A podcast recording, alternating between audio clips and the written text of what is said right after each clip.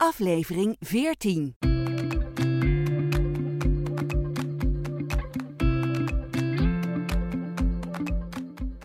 Dit is een podcast van Advocaten, Familie en Erfrecht met Inge Diepman en Joost Dix. Welkom bij de zesde aflevering van serie 2 van De Erfrechtadvocaat. Een serie over alle ins en outs rondom de erfenis. In de eerste serie stond de meest gestelde vraag centraal. En in deze serie gaan we uit van een casus. En die wordt besproken en van wijze raad voorzien door meester Joost Dix. Specialist familie en erfrecht, partner bij advocaten familie en erfrecht. En dat is gevestigd in Eindhoven en in de provincies Utrecht en Limburg. En Joost, je zit weer tegenover mij. Ik heb het gevoel dat je met elke aflevering wijzer wordt. In ieder geval is het met mij wel zo. Gelukkig, daar is allemaal rond te doen. Ja. uh, mooie titel, Boefjes in de Boedel. Een paar bekende in de, de casus die je meegenomen hebt. Ja, we gaan terug naar Elisa, de kunstliefhebber uit onze vorige podcast. Uh, weet je nog, de zussen die zo'n moeite hadden met wat zit er nou allemaal in die nalatenschap. en uiteindelijk een hele mooie boedelbeschrijving wisten op te stellen. zodat het voor alle zussen duidelijk was wat er in de nalatenschap van Elisa zat. En ze hebben uiteindelijk ook die nalatenschap keurig met z'n drieën kunnen verdelen. Maar dan. Maar dan komen twee van die zussen erachter dat de oudste zus Margriet ja, toch wat heeft achtergehouden. Want Margriet wist namelijk als enige hè, dat er vanwege die internationale kunsthandel van Elisa in Frankrijk nog een bankrekening was waar 3 miljoen euro op stond. En zij heeft dat niet aan die andere twee verteld. Oh jee. Hoe loopt dit af? Wat is de les die we uit deze casus kunnen trekken? Dat horen we in deze aflevering van De Erfrechtadvocaat.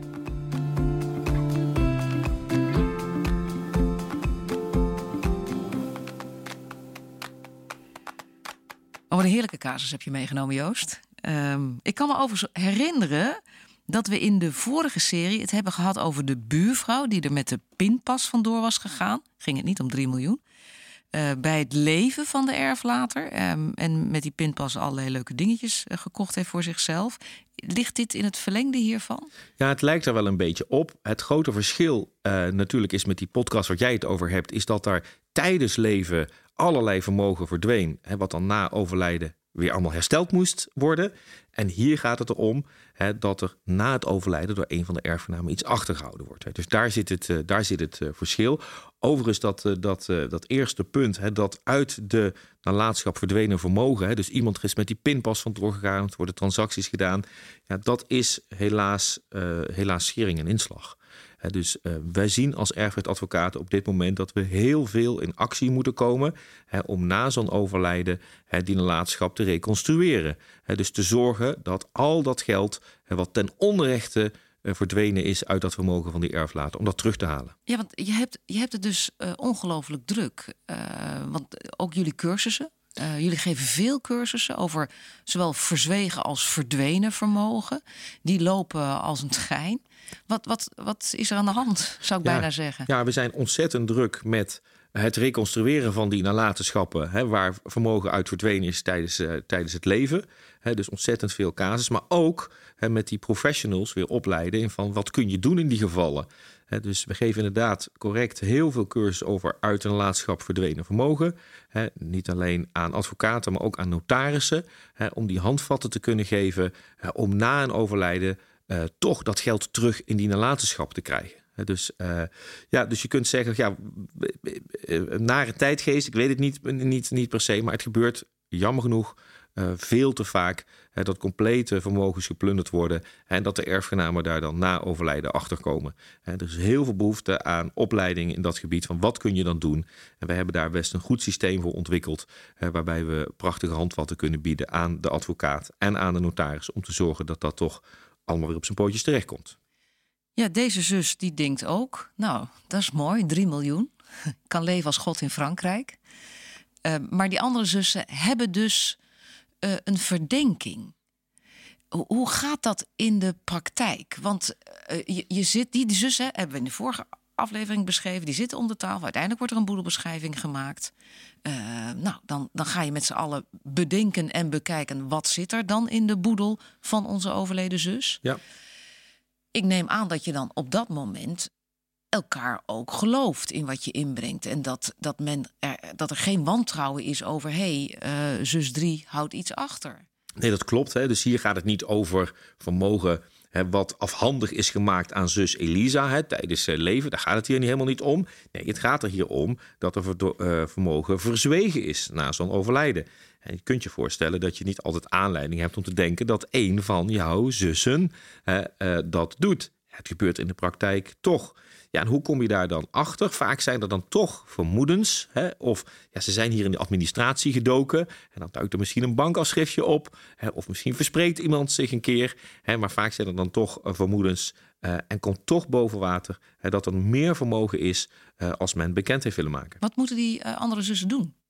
Nou ja, kijk, over het algemeen is het natuurlijk goed om, ehm, om eerst die boedelbeschrijving te maken. Dat hebben ze gedaan. Ze hebben elkaar dan ook nog bij bevraagd van... goh, is wat jullie betreft, staat alles erop? Daar hebben ze allemaal van gezegd, ja, dat is zo. Is dat belangrijk, dat je dat vraagt op die manier? Zoals ja. je dat nu doet? Hoeft niet, hoeft niet met alle armgebaren die je nu ja. maakt... maar doordat je die armgebaren maakt, denk ik... het is blijkbaar heel erg belangrijk dat je elkaar die vraag stelt. Nou ja, kijk, als advocaat denk je natuurlijk altijd achteraf... we willen zo makkelijk mogelijk die procedure ingaan. Hè, dat we de rechter een presenteerblaadje kunnen aanreiken. En als iedereen dan inderdaad bij het maken van een boedelbeschrijving heeft verklaard... Ja, dit is wat er is en ik weet echt niks, uh, niks anders maakt dat het makkelijker. Maar wat die zussen hier moeten doen, is die zullen uh, Margriet, de oudste zus, uh, moeten confronteren met het feit uh, dat zij die bankrekening achtergehouden heeft. Die moeten zeggen: hey, jij hebt daar iets gedaan wat niet mag.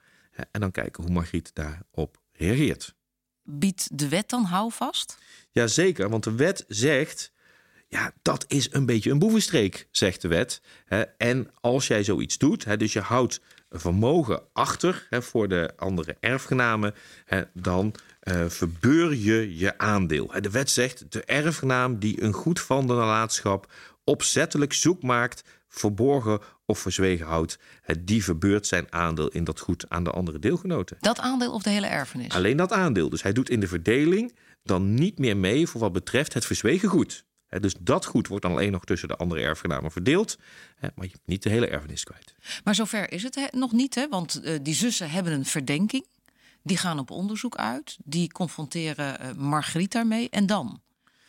Ja, en dan zal uh, Margriet verschillende dingen kunnen doen. He, die zal dat kunnen blijven ontkennen. En dan moeten ze bewijs gaan leveren. Of Margriet zal zeggen, ja, inderdaad, dat is zo. Ik wist van die 3 miljoen. En ik wilde die liever niet delen met jullie, maar ik wilde die maar achterhouden, want ik vond dat ik daar meer recht op had. Of dus zo. sorry, sorry, sorry. Ja. Uh, zand erover, klaar. Ja, dat is, misschien zegt ze dat wel. Hè? Van had ik nooit zo mogen doen, zand erover, kunnen we het alsnog met z'n drieën delen. Dan kunnen die zussen natuurlijk zeggen, nou ja, vooruit dan maar. Maar stel dat het al bij de rechter lag? Ja, dan zal, uh, dan zal het standpunt ingenomen worden door die zussen. Ja, maar sorry werkt hier niet, hè, want zo zit de wet niet in elkaar. Als je het eenmaal opzettelijk hebt verzwegen, dan is er geen inkeer meer mogelijk. Dan heb je het verbeurd. Dat, zeggen de, dat zegt de wet. Maar stel dat er verzoening heeft plaatsgevonden tussen die zussen. En men is al bij de rechter. Uh, er is verzoening tussen die zussen. Blijft dan datgene wat de wet zegt, namelijk je hebt het nu eenmaal uh, verzwegen. Uh, dat is de stand van zaken. Dus je mag ook geen aanspraak meer doen op dat aandeel van de erfenis. Zal, zal de rechter, kan de rechter dan volgens de wet over zijn hart strijken? Nee, als die zussen het standpunt blijven innemen... nee, het is verbeurd, je deelt daar niet meer in mee. Dus die twee zussen tegen Margriet... Hè, dan is het zo dat uh, de rechter er niks aan kan doen. Maar zeggen die zussen... goh, misschien heeft het helemaal niet zo opzettelijk gedaan... of uh, het is toch allemaal akkoord... of we hebben op dit punt overeenstemming bereikt... Hè, dan is er dus geen geschil meer... en dan zal de rechter hè, dus mee moeten op dat punt. Hè, dat ligt dat ook niet meer voor aan de rechter... en dan zouden ze ervoor kunnen kiezen om het alsnog te delen. Hoe omschrijft uh, de rechter of hoe omschrijft de wet... volgens mij heeft de Hoge Raad daar ook iets over gezegd... dat, dat opzettelijke... Ja, want in die, in die wet staat natuurlijk wel opzettelijk. En de Hoge Raad heeft natuurlijk ooit eens een keertje over moeten oordelen. Want dit gebeurt nog alles in de praktijk, gek genoeg, hè, zou je zeggen. Over wat, wat, wat is opzettelijk nou eigenlijk? Ja, en de Hoge Raad heeft gezegd, ja, opzet, dat speelt eigenlijk als die erfgenaam wist dat dat goed tot de nalatenschap behoorde. Dus de kennis hè, van het feit dat je weet, oké, die 3 miljoen hoort in de nalatenschap thuis, dat is voldoende voor de opzet. Dus uh, je moet aantonen dat diegene die dat verzwegen heeft wist tot het nalatenschap behoorde. En je hoeft daarbij niet aan te tonen, zegt de Hoge Raad, dat die verzwijgende erfgenaam de opzet had om de andere erfgenamen te benadelen. Dat hoeft niet. Je hoeft alleen maar aan te tonen, hij wist dat het bij die nalatenschap hoorde. Nou, denk ik dat het bijna altijd opzettelijk gebeurt, lijkt mij. Ik bedoel, je verzwijgt niet zomaar een bankrekening van 3 miljoen. Maar betekent dus dat iemand die op de een of andere manier het misschien ter goeder trouw zou zijn vergeten, hoe dan ook toch uh, schuldig, zeg je dat in dit geval, schuldig wordt verklaard? Ja, het is natuurlijk geen strafrecht, maar het is wel een soort strafsanctie. Maar ja, die zou dan wel nog aan kunnen voeren bij de rechter. Want je zult dit tegen je krijgen op het moment dat je het helemaal niet expres gedaan hebt. Hè, dat je zegt, ook wist dat ook niet van die bankrekening. Hè, ja, dan zou je natuurlijk argumenten naar voren kunnen brengen bij die rechter. Waarbij je zegt, net zo goed als die andere twee die 3 miljoen niet kenden, kende ik die ook niet. Hè? En dat hangt natuurlijk, hè, zoals alles in het recht, hè, van de omstandigheden van het geval af. Heb je dat wel eens meegemaakt als erfrechtadvocaat? Ja, wij maken dit als erfrechtadvocaat mee. Hè. Gelukkig wel wat minder hè, als dat verdwenen vermogen tijdens leven. Hè. Dus dat verzwegen vermogen, uh, dat, uh, dat maken we minder mee. Uh, maar het is inderdaad gebeurd dat wij in procedures de verbeurdverklaring hebben moeten inzetten. En dat dan inderdaad de wederpartij een aandeel ergens in is verbeurd. En als die zus nou voor overlijden tegen Margriet heeft gezegd, hè, Elisa heeft tegen Margriet gezegd: uh, die 3 miljoen daar op die bankrekening in Frankrijk, die is van jou, want jij bent de enige die veel van kunst weet. En ik wil dat daar, uh, nou ja, dat, dat geld wordt besteed aan kunst. Dus het is in feite gegeven.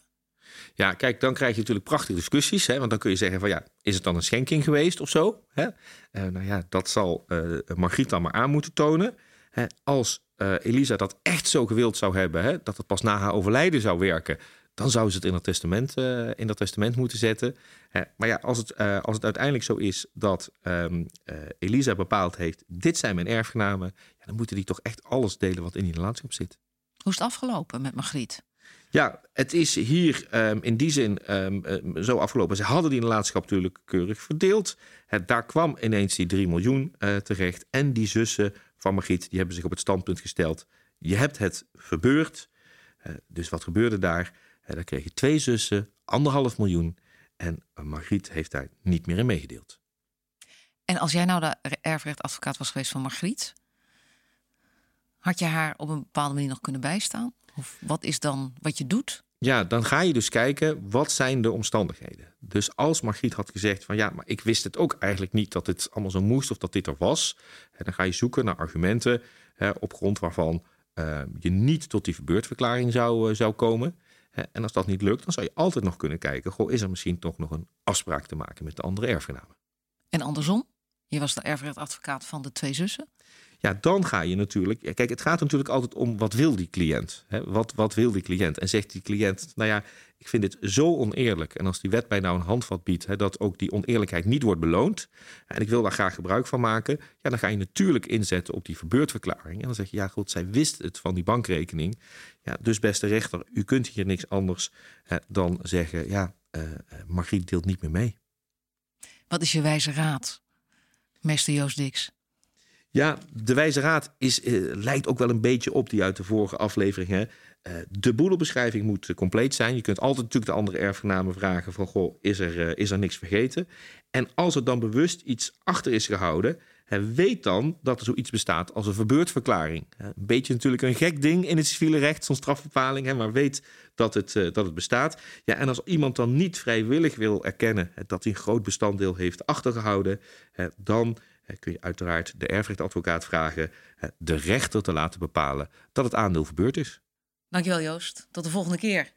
Voor wie niet uh, alleen wil luisteren, maar ook wil lezen over dit onderwerp, ga naar familie-erfrecht.nl, de website van Advocaten Familie en Erfrecht. En daar is ook alle informatie te vinden over het inschakelen van een erfrechtadvocaat. Mocht je willen reageren op deze podcast, moet je doen, stuur een e-mail naar info@familie-erfrecht.nl en je kunt ook altijd een reactie achterlaten op iTunes. Onze volgende aflevering gaat over de schuldeiser. Ofwel, Joost gaat het hebben over een buurman die zijn 100.000 euro terug wil zien nadat erflater die een ton van hem heeft geleend is overleden. Maar de erfgenamen moeten daar niets van weten. Hoe loopt dat af? Je hoort het in de volgende aflevering van De Erfrechtadvocaat.